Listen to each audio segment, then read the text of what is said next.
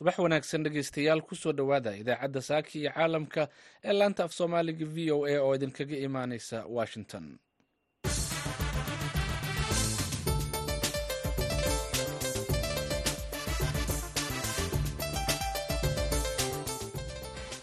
Aroor wanaagsan meel kastoo aad joogtaan waa subax sabti ah toddoba-iyo labaatanka bisha janaayo ee sannadka labada kun afar iyo labaatanka waxaad naga dhagaysanaysaan mawjadaha gaagaaban ee lix iyo tobanka iyo sagaal iyo tobanka mitirban efemyada magaalooyinka geeska afrika qaar iyo bogga v o a somaali com. Saacadda afrikada bari waa lixdii iyo barkii aroornimo. Idaacadda saaka iyo caalamkana waxaa idinla socodsiinaya anigoo ah nuur xasan nuur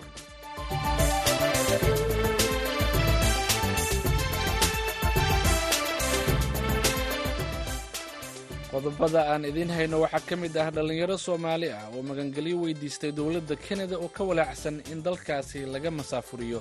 Haddaba maxay tahay sababta? Dhalinyartan waxaa lagu haystan waxaa weye soomaali ma tihiin lagu haystaa. Arrintaasna soomaali ma tihiin qof hadda aniga kula hadlay hadda ay tahay soomaali ma tihiin.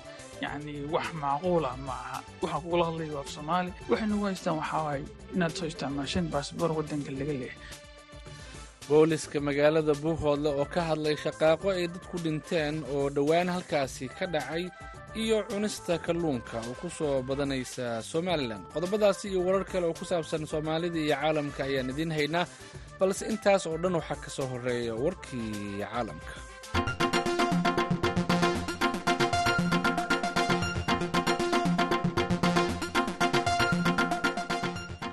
maxkamadda caalamiga ah ee cadaaladda ee qaramada midoobe ayaa jimcihii shalay ku amartay israa'iil in ay samayso wax walba oo ay kaga hortegayso dilka burburka iyo fal kasta oo xasuuq ah oo ka dhaca khaza balse maxkamadda ayaa ka gaabsatay inay amar ku bixiso in israa'iil ay soo afjarto duulaanka dhiigga badan ku daatay ee ay ku waddo khaza go'aankan ayaa ka soo baxay dacwad ay dowladda south africa u gudbisay maxkamadda i c j horaantii bishan kaas oo ay ku eedeysay israa'iil in ay xasuuq u geysatay falastiiniyiinta khaza sidoo kalena ka codsatay maxkamadda inay israa'iil ku amarto xabad joojin. Xukunkan ayaa meesha ka saaray rajadii ay falastiiniyiinta ka qabeen in khaza ay ka hirgasho xabad joojin hase yeeshee israa'iil uga dhigan dib u dhac sharci iyada oo ku dadaalaysay in ay tuurto kiiskan iyada ka dhanka. ah maxkamadda i c j ayaa sidoo kale ku amartay xamaas in ay sii dayso dadka israa'iiliyiinta ah ee ay afduubka u haystaan. Wasaaradda arrimaha dibadda ee falastiin ayaa soo dhoweysay go'aanka kuna tilmaamtay mid xusuusinaya caalamka in uusan jirin dal ka sarreeya sharciga. Ra'iisul wasaaraha israa'iil ayaa soo dhoweeyey go'aanka aysan maxkamadda i c j ku amrin israa'iil in ay xabadda joojiso kuna adkaystay in ay sii wadi doonaan dagaalka guddi xeerbeegti maraykan ah ayaa ku amray madaxweynihii hore ee maraykanka donald trump inuu bixiyo lacag magdhow ah oo gaaraysa siddeetan iyo saddex milyan iyo saddex boqol oo kun oo dollar oo uu siinayo haweeney wariye ah oo lagu magacaabo e jean carroll taas oo ku eedeysay trump in uu hadallo gaf ah iyo magacdil ah u geystay muddadii uu madaxweynaha ahaa. Carroll sannadkii labada kun sagaal tobankii ayay maxkamadda ka dacweysay trump iyada oo ku eedeysay inuu fare xumeeyey sagaashameeyadii. Trump ayaa ku adkaystay in eedaha carroll ay yihiin kuwo been abuur ah. Qoraal uu jimcihii shalay soo saaray kuna faafiyey bar bulsho uu isagu samaystay ayuu trump ku sheegay inuu raacfaan ka qaadan doono go'aanka maxkamadda. Wuxuu kaloo kiiskani ugu yeeray inuu yahay ugaarsi siyaasadeed oo uu soo abaabulay joe biden. Trump oo hadda ku jira ololaha doorashada madaxtinimada maraykanka ee sanadkan ayay u badan tahay in uu noqon doono murashaxa xisbiga jamhuuriga ee tartanka doorashada. Dhanka dimuqraadiga ayaa waxa u sharaxan madaxweynaha hadda talada haya ee joe biden. Dhegeystayaal warka caalamka waa naga intaa u diyaar garooba qeybaha inooga haray idaacaddeenna saaka iyo caalamka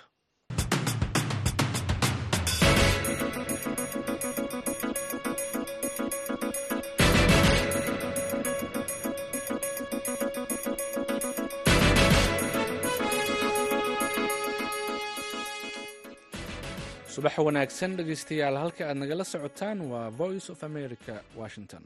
Aan ku bilownaya dalka canada waxa uu ka mid yahay dalalka ugu badan ee dib u dejinta u sameeya dadka soo galootiga iyo qaxootiga. Laakiin waxaa lagu soo waramayaa in dhanka kale uu sii kordhayo walaaca ku saabsan musaafurinta dadka aanan sharciga ku lahayn dalkaas. Warbixintan waxaa toronto ka soo diray wariyaha v o eeda xuseen nuur xaaji ku dhowaad nus milyan qof oo aanan sharci haysan ayaa la sheegaa inay ku nool yihiin kanada kuwaasoo dalkan ku soo galay siyaabo kala duwan. Tiradaas waxaa ku jira soomaali u badan dhalinyaro oo qaarkood dib sharciga loogala noqday kadib markii lagu eedeeyey in markoodii hore ay ka been sheegeen qaabka ay isku dhiibeen. Dadkan sharci darrada ku jooga dalkan ayaa la nool walaac ku saabsan xilliga dalkan laga masaafurin doono. Migrants rights network oo ah shabakad u dooda dadka soogolootiga ah waxay sheegtay iyadoo soo xiginaysa wakaaladda xuduudaha kanada. In sannadkii tegey la masaafuriyey qof lama sheegin halka ay dadkaasi asal ahaan ka soo jeedaan. Sidoo kale shabakadan waxay sheegtay in ugu yaraan qof la masaafuriyey lixdii bile ugu horreysay sannadkii hore ee ma jirto ilo kale oo xaqiijinaya tirada ay sheegtay shabakadani ku saabsan dadka laga tarxiilay kanada. Laakiin walaaca la xiriira musaafuriintu waa mid jirta oo xitaa ay dareemeen dhallinyarada soomaalida ah waa kan mid ka mid a dhallinyaradaas oo ii sheegay xilli sii horreysay in iyagoo badan ay sugayaan musaafurin maalin kasta baanu sheekaysanaa dhalinyarta anaa ka mid ah waxaanu gaaraynaa ilaa iyo afar boqol oo dhalinyaro gabdhay wiilila isugu jiro waana dhalinyaro oo maxaa da-dooda u dhaxayso ilaa labaatan ilaa soddon jir ah. Marka maalin kastaanu is horeysanaa isbuuc kastaanu kulannaa qaaraanu isla shaqeynaa qaaraanu isla digannahay qaaraanu isku xafidnahay isku banooniga isla dhelinaa maalin kastaanu is dhibaatooyinka haysta dhalinyartaasi walaahi ma maleyn kartid. Qaaraa shaqadii ka fadhiistay qaaraa waxbarashadii ka fadhiistay qaaraa xitaa hadda waxay gaareen xeer ah in dhakhaatiirtooda ay u tagaan oo maaragtay dawooyinka maskaxiyan loo bilaabo in la siiyo. Intii yar dhaqaaqayso intanada hadda u ordayso oo rabtay in aan maxalalahay ka wacyigelino inaanay arrintaanayto maxalalahay maskaxdooda waxba u dhimin. Haddaan waxba laga qabanina waxaa la arki doonaa dhalinyaro badan sidana in dhibaato badanoo maskaxiyan soo gaarto. Dadka u dooda dhalinyaradan iyo kuwa kale aanan laga aqbalin dalkan ayaa wada dadaallo ay kula hadlayaan siyaasiyiinta si dadkan ku nool gudaha kanada ay u helaan dib u dejin waatan maryan axmed maxamuud oo loo yaqaano maryan qoorweyne oo ka mid ah dadka wada dadaaladaasi. Qorshahayna haddaan hooyooyinnayo horta waxaan suubanaa outreach aad u badan hooyooyinkii oo dhan isugu wacnay. Waa ogtahay haddeertaan kulligeen canadian citizens aan wadannahay ilmahayna waa yihiin. Kulli waxaan go'aan ku gaarnay xaafad kastaba mbigeeda inaan raadsanno la socodsiino arrintan waxay tahay xildhibaanka xaafadda. Aniga hadda for example xaafadeyda waxaaba aan doortay oon u shaqeeyey oo cambaign u suubiyey marco mendicino marka waa wacay personally waxaan iri sekretariyadiisaan wacay. Waa ninkan u shaqeeyey cambaynka u suubiyey u vood gareeyey xaafadeyda ka mid ah. Waxaan codsanayaa audience inaan arko ayaan codsanayaa. Waxaana ku tali jiraa maalintan uu iqaabilayo laba ka mid ah ilmahan la dabolga inaan horey u wato uu arko dhibaatadana haysata. Dhalinyarada soomaalida ah ayaa ii sheegay in arrinta ugu weyn ee lagu haysto ay tahay in dalkan ay ku soo galeen baasaboor aan ahayn kan soomaaliga ah. Walahaniyo waa noo sheegeen dhalinyartan waxaa lagu haystan waxaa weye soomaali ma tihiina lagu haystaa. Arrintaasna soomaali ma tihiin qof hadda aniga kula hadlaya hadda ay tiraa soomaali ma tihid yacni wax macquula ma aha waxaan kugula hadlaya waa af soomaali marka inaad tiraa soomaali ma tihid macquul maaha. Waxay nagu haystaan waxaa waaye inaad soo isticmaasheen baasboor waddanka laga leeyahay. Maryan ismaaciil oo ah la taliya ka shaqaysa arrimaha soo galootiga gobolka ontario ee dalkan kanada waxay rajo xumi ka muujisay in la aqbalo dhalinyarada ku soo galay dalkan baasabooro dalal aanan rabshado ka jirin. Waddanka canada waddan oo xiriir la leeyahay haddee noqoto ee dadkooda bataana isdhiibaan dee markaas labada wadama war hadlayaan and also kenyana waxa waaye waddan oo nabad leh waay maanta waddan dhib ka jira ma ahan waddan cansuurinimo oo jira ma ahan. So wax oo qof sheegan karo oo sharci lagu siin kara badanka maba jiro. Khubarada dhanka socdaalka ayaa rumaysan in kiisaska dadka aanan sharciga ku haysan dalkan ay kala duwan yihiin. Sidaa darteedna ay suuragal tahay in dadka qaar dib u weegis lagu sameeyo kiisaskooda taasoo meesha ka saari karta dib u celintooda. Xuseen nuur xaaji v o a toronto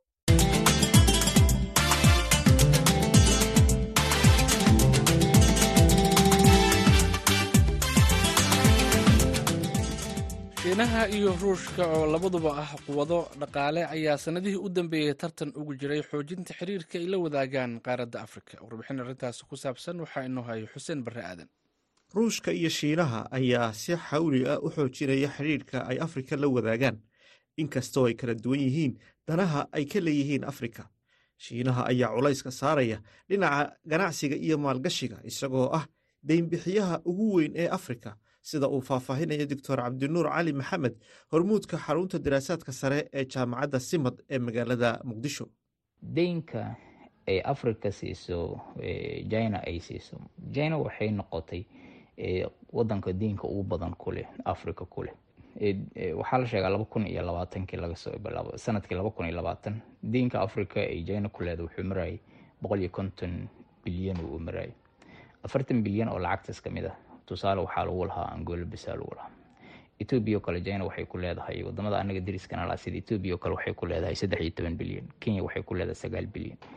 Wadamadaas waxay u isticmaalaan deynka inay ku kobciyaan dhaqaalahooda gaar ahaan ay ku sameeyaan industrialization ay ku sameeyaan meelaha sidoo kale ay ka taageero ama deynkaasi ay u isticmaalaan waxaa qeyb ka ah maalgelinta ay ku bixiyaan jidadka sida bundooyinka iyo waxyaabaha lamidka kaasoo ay saameyn ama kaasoo waddamada africa gaar aysan heli aysan keligood aysan heli karin. Deynkaas waxaa bixiyo financial institutionska ama hay'adaha dhaqaalaha ee china deynka ugu badan waxaa kuleh bankiga layirahda china axin bank iyo china development bank deymankaasoo waddamada africa ay u isticmaalaan projectyo badan oo ay u isticmaalaan.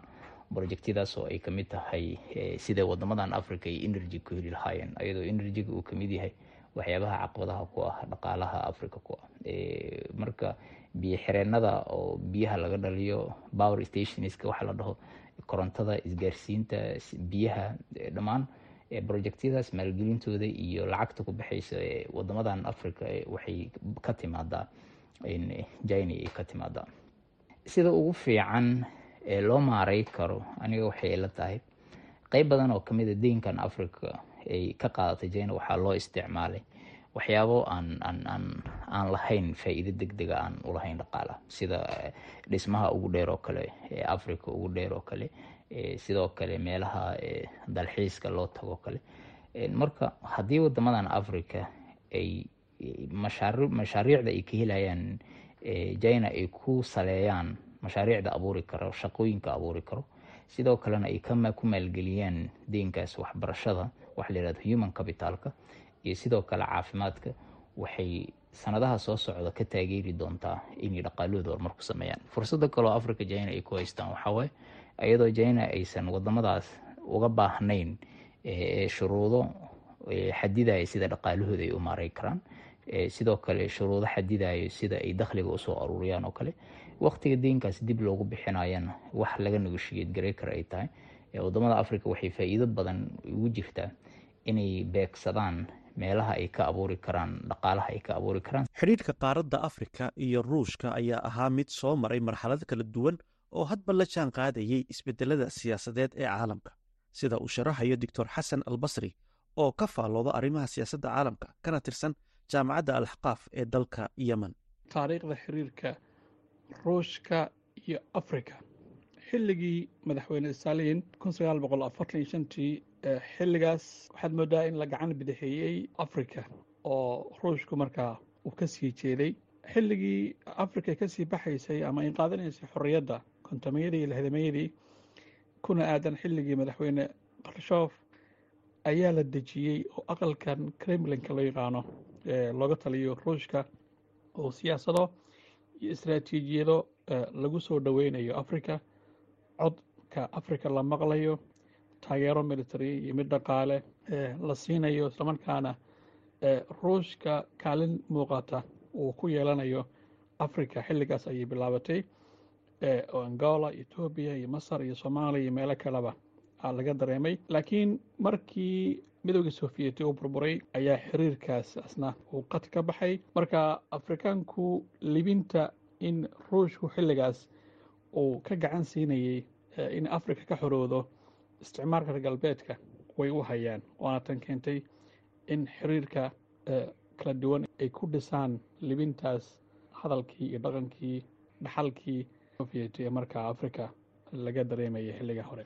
Marka loo yimaado road mapka ruushku hadda uu dejiyey iyo ahdaafta uu ka leeyahay africa kuwooda ugu waaweyn waxaa ka mid a in laga furfuro xargaha diblomaasiyadeed ee cunaqabateynta ee reer galbeedka ee maraykanku ay saareen ruushka kadib dagaalka ukraine in uu ka baxo ruushka waxaan la dhaho isolationka lagu sameeyey siyaasad ahaan ayuu ulajeedka ugu waaweyn ee africa hadda ayuu africa marka ka raadinayaa dalalkii taageeri lahaa siyaasad ahaan ruushka.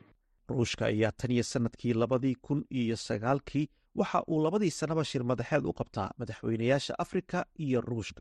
Madashaasi oo qayb ka ah qorshaha xoojinta xidhiirka ruushka iyo afrika.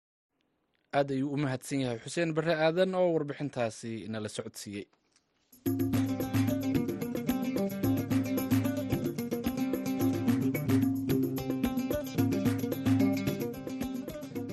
subax wanaagsan dhegeystayaal halka aad nagala socotaan waa v o a. Booliska gobolka cayn ayaa ka warbixiyey shaqaaqo ay dad ku dhinteen oo dhowaan ka dhacay magaalada buuhoodle warbixin arrintaasi ku saabsan waxaa laascaanood ka soo diray wariyaha v o eda cabdikariim olol.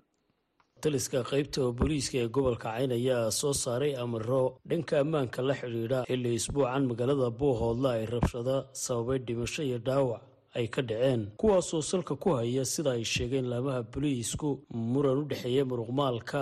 Ajaanibta ee ku sugan magaalada buuhoodle iyo dadka deegaanka taliyaha qaybta booliiska faaxdi cabdikariin ismaaciil ayaa ka hadlay amarada ay soo saareen. Qodobada ka soo baxay waxaa ka mid a in la xoojiyo nabadgelyada magaalada iyo guud ahaanba gobolka cayn. Labo in dhammaan dadka keensaday dadka ajaanibta ah shaqaalaha ah dhammaantood ay ka soo diiwaangeliyaan oo ay keenaan xarumaha booliska iyo saldhigga buuhodle saldhigga dhexe buuhodle qof kasta oo dad ajaaniba keenay oo dad yacni shaqaalaha keenay oo aan deegaanka u dhalan waxaa la rabaa in uu keeno saldhigga iyagoo nabad qaba inuu keeno saldhigga. Ma jiri doonto cid aan booliska ogeyn ama laama ammaanka ogeyn.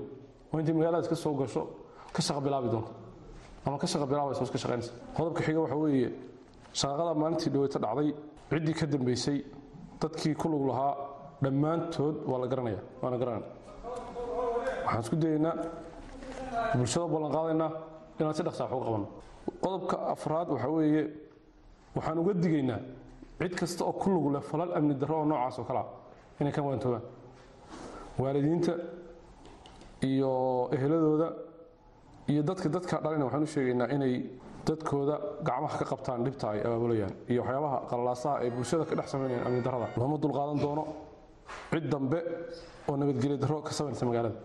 In si dhaqsa ay ciidamada u bilaabayaan howlgallo lagaga hortegayo falalka noocaas. Falal kasta oo abaabulan oo lidku ah nabadgelyada howlgallo lagaga hortegaya la bilaabaya. Waalidka waxaan u sheegaynaa cid kasta oo lagu qabto iyadoo abaabulaysa ama ka qayb ah oo ama faraha kula jirta howlaha noocaas in tallaabo sharci laga qaadi doono waa la xidhayaa waa la qabanayaa waana la dhaadhicinayaa kuma sii hayn doonno. Saacado yar xitaa kuma sii hayn doonno buuhda geysta kale taliyaha ayaa tacsi ka diray dhimashada hal qof iyo dhaawaca. Sidoo kalena waxa uu sheegay inay tallaabo ka qaadi doonaan dadkii banaanbaxyada ka sameeyey magaalada buuhoodle kuwaasoo sheegay inay rabshado kala duwan ay geysteen dadkii ku dhintay waa ka tacsiyadeenna waxaan leenahay inna lillahi wa inna raajicuun. Dadkii ee ka soo jeedeenna samir yeman allah ka siiyo. Kuwii ku dhaawacmayna allah u boogadheen shaqaaqadaas waxay ahayd shaqaaqa abaabulan. Dad baa soo abaabulay.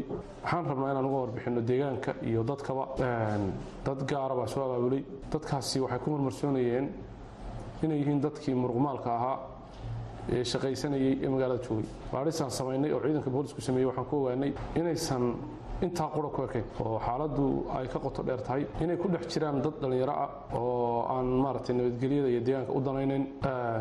Sidaa daraaddeed waxaan doonayna inaan uga digno dadka. Waxyaabaha ay faraha kula jiraan inay faraha kala baxaan. Ilaa bilow ilaa bilow ilaa dhammaad waa la soconay xaaladooda waa deegaan raalli ka ah in dadku maaragtay ama ummaduhu ku wada noolaadaan. Diyaar looma aha in la sameeyo waxa la yidhaahdo nabadgelya darro laga abuuro. Cabdikariin nolol v o a magaalada laascanood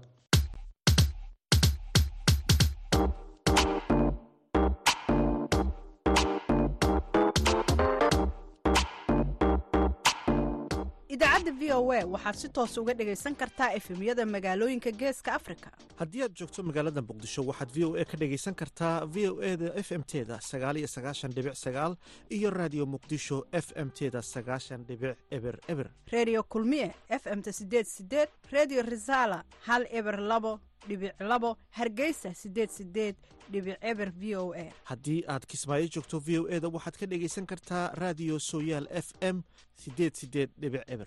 Gobolka hiiraan hiiraan weyn f m sagaashan megaherts redio baydhaba siddeetan iyo sagaal dhibic shan f m haddii aad joogto puntland v o a waxaad ka dhegaysan kartaa s b c radio boosaaso siddeetan iyo sagaal dhibic sagaal f m qardho siddeetan iyo sagaal dhibic sagaal f m isla mawjadahaasi waxaad ka dhegaysan kartaa waaciya iyo garowe. Wajeer waxaad naga dhegaysan kartaa star f m sagaashan iyo toddoba dhibic saddex. Mandheera waxaad naga dhegaysan kartaan star f m sagaashan iyo toddoba dhibic shan. Dhadhaab waxaad naga dhegaysan kartaan star f m sagaashan iyo toddoba dhibic hal iyo sagaashan iyo laba dhibic afar waxaa kaloo aad naga dhegaysan kartaan f m. Xagar dheerna waxaad naga dhegaysan kartaa f m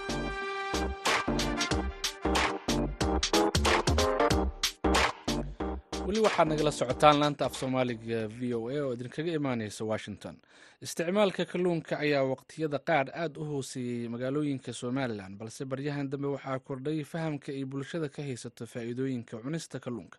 Wariyaha v o e da ee hargeysa khadar maxamed cakulle ayaa arrintan ka wareystay faadumo cali oo ka mid ah hooyooyinka degan magaalada hargeysa. Bal noo sharax marka hore siduu yahay suuqa kalluunka hargeysa maasha allah suuqa kalluunka aada buu badan yahay. Meherado beribaa meherado badan baa furan. Mararka qaar xabad baa furnaan jirtay imika laakiin shan iyo lix iyo toddoba aroor kaste kalluunkiyo cusub isagii hilib sidii hilibkao kalea loo qalaya dadku way barteen. Xitaa imika sidii waxaa loo diyaariyaa maxaa la yidhaha digaagoo kaleo iyagiyo diyaaraad soo qabsanaysaa adigoo qashinkii iyo wixii gurigii la tegeyn qoladii kalluunku makiinadihii soo iibsadeenoo faashkii ay ku jafi jireen way ka raysteen marka xoog buu imika u fiican yahay xiligan kalluunka nooc walba waa la helaa. Maxaa la xaafadii way barteen caruurtu way ka jecel yihiin. Walow dee soomaalidaan maraqii hilibkii looga taagelayn haddana caruuru waxay jecel yihiin labada maalinta loo kariyo kalluunka iyo maalinta hilibka la kariyo maalinta kalluunka ka jecel yihiin. Markaad eegtid kalluunku inkastoo cuntooyinka o dham u baahan yihiin nadaafad iyo muxuu ahaye ilaalin daryeelkiisa nadaafo iyo fiyo dhowrkiisaba haddana kalluunku si gaara qaboojiyaal buu u baahanyay. Marar badan dhibaatooyinka ka soo gaadha dadka ganacsiga ka sameeya waa qaboojiyaasha kale ku yaraa ama aanay inta badan heli jirin. Bal nadaafadiisa iyo daryeelkiisa xagga qaboojiyaasha iyo diyaarsanaanta goobaha lagu iibinaya kalluunku hooy ahaan aad macmiisha u tihiin ka waran iminka markii hore horta isku mid maaha berigii hore suuqa marka la halkaa kalluun ka soo wariya la oran jiro oo laga weecan jir laakiin iminka in dhaweyd ilaa iyo labadii saddexdii sano labadii sano u dambeeya iyaguba waxu iska hagaajiyaan. Aad bay u fiican yihiin qaboojiyaal fiican bay dhigtaan. Wallaahi anigu nadaafad badan baan ku arkay. Meel meel yaroo dee cusuba diiradii daawi jirtaa laakiin meelaha dukaanada ugu waaweyn waaba la sii diyaariya meel lagu jeexay iyo meel lagu isagoo moorgaraysan baa lagu dhiibaya talaagado waaweyn bay haystaan oo diyaarsan oo qashin lahayn oo meel lagu jarjaray mararka qaarkood aanad arkin. Maba kala garanaysa isaga iyo digaagii iyo wixii dibadda ka yimid talaagada ku wada jira. Waaba fartaaba lagugu tilmaamaya kan waa kalluun. Marka sidai hore si ka duwan bay u sameeyaan oo casri a si casri u sameeyaanoo marka saribada suuqa laga baxoo kale ayay kalluunka jarjaraan oy qashinka oo dhan raaciyaan oo dee dowladda xaadhaysa dowladda hoose markay soo gelayso ayay ubacdi iyo wixii oo dhan raaciyaan. Marka isagoo la moorgareeyo kiilo kiilo iyo nus kiilo iyo nusrada lo ayaad ka helisaa. Mararka qaarkan ay googoynayaanna uu ka dhiib yaryahoo mashiine imika soo iibsadeen. Deetana shan mirar bay jagjag ka siinayaan ma sidii sariibadii iyo suuqii gee muxuu ahay hilibka oo kale ayaa lagu badan yahay mise qof qof baa soo gelaya? May may imka xoog baa loogu badan yahay. Maalinta jimcaha oo kale horta lagumaba kala baxaba maalimaha kalena way ka sii duwan tahay. Waxaa laga yaabaa markuu ugu yaray intaasoo kiilo inuu jarjaro oo makiinadan saa ugu jara ugu ridkan kale talaagadiisa dad furto talaadka eega imisiyo toban bacood baa xidhan dad u diyaariyay oo dhigaal ah oo imika de iyagoo suuqa ku jira qaadaneen.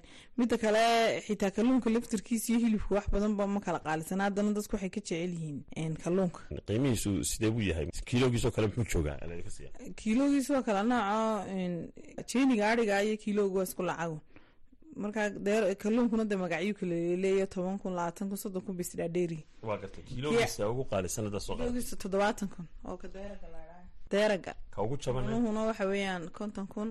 Kan kaloo ku laqam ladhaa bilaalafoo badanka ciyaalka loo iibiyaana afartan kun kiiloogiis marka intaasunbay isdheeryihiin wax badan isma dheera marka kalluunka kulley magaalada hargeysa waxaa saylad u ah oo laga keenaa waa berbere weeyaan ma kalluunkiiyo cusuboo markaa la keenayba ma isagoo waxoogaa muddo yaalayba bal taa ka hor. May aniga kalluunkani wuu cusub yahay sababtay taa inamadan iibinayaan oo inamadu yaraaye dee bartay dhalinyaradii ka shaqaynaysay iyagiiba waa meherada sii wada furto ganacsi wada bilaca. Wuu cusub yahaa kalluun cusub aad iyo aad looma kala baxaa. Way ugu dambeyn hooyooyinka laftigoodu inta badan waxaa la odhan jiray ma jeclaa inay kalluunka soo iibsadaan. Marka hooyooyinku mujtamacii bay ka mid yihiin. Sidee bay imka hooyooyinka isku yihiin kalluunkii walaahi hooyooyinka dee ciyaalkunbaa xukuma mar hadduu ilmihii wixii ka helaynba adigana ku hogaaminaya maanta aniga tusaale ahaan haddaan disti maraqa halkaa kariyo dee carruurtaydu midna ma imane laakiin kalluunka hadday arkaan maama kalluun baabay odhanayaan way soo diyaar garoobeen. Kalluunku aad buu wanaagsan yahay. Sidii hore dee dhakhaatiirtina oo waagi baryaba ka hadlaya le carruurta siiya caafimaadka ogii buu fiican yahay. Marka kulley halkaasuman anagu haddaan hooyooyin nahay tix raacin xitaa imka bakhaarkoo kale marka la tago kalluun berbere laga maxaa la idhahdaa warshad berberi soo saartaa jirto. Marka hadda kalluunka imika yarkaasaa laga maraya wuu fiican yahay. De ilaahayna nimcooyinku inooga manaysta bay ka mid yahay kalluunka faadumo cali oo ka mid ah hooyooyinka ku nool magaalada hargeysa oo u warramaysay wariyaha v o e da khadar maxamed cakulle. Haatanna aan aadno dhankii heesaha dabacsan waa kan codka nimcaan hilaac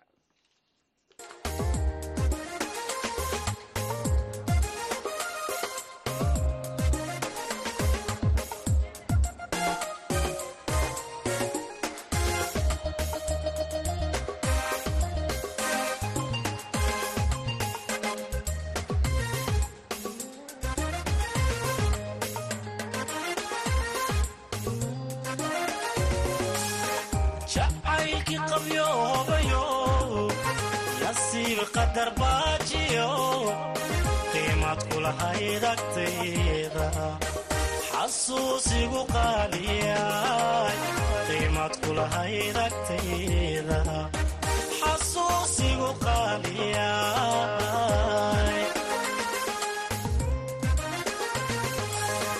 jacaylkii qabyoobayo nasiib qadar baajiyo qiimad kulahayd agtayda xasuusigu qaaliya qiimad kulahayd agtayda xasuusigu qaaliya.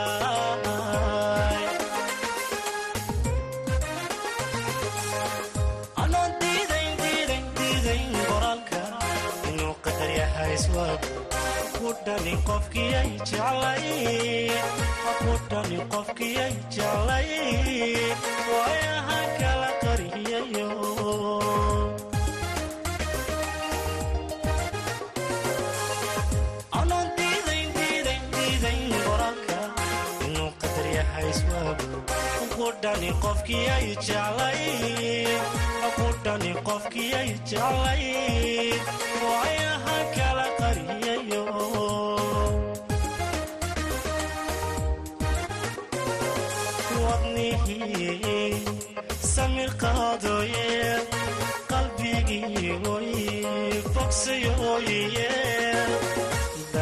dhani qofkiyay jeclay waayaha kala qariyayo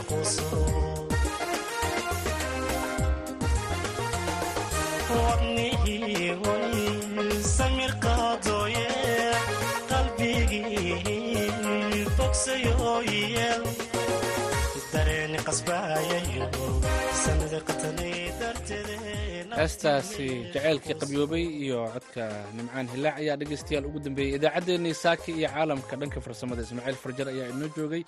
Idaacaddan waxaa idinla socodsiiyey anigoo ah nuur xasan nuurtan iyo kulanti dambe waxaan idinku dhaafaynaa sidaa iyo subax wanaagsan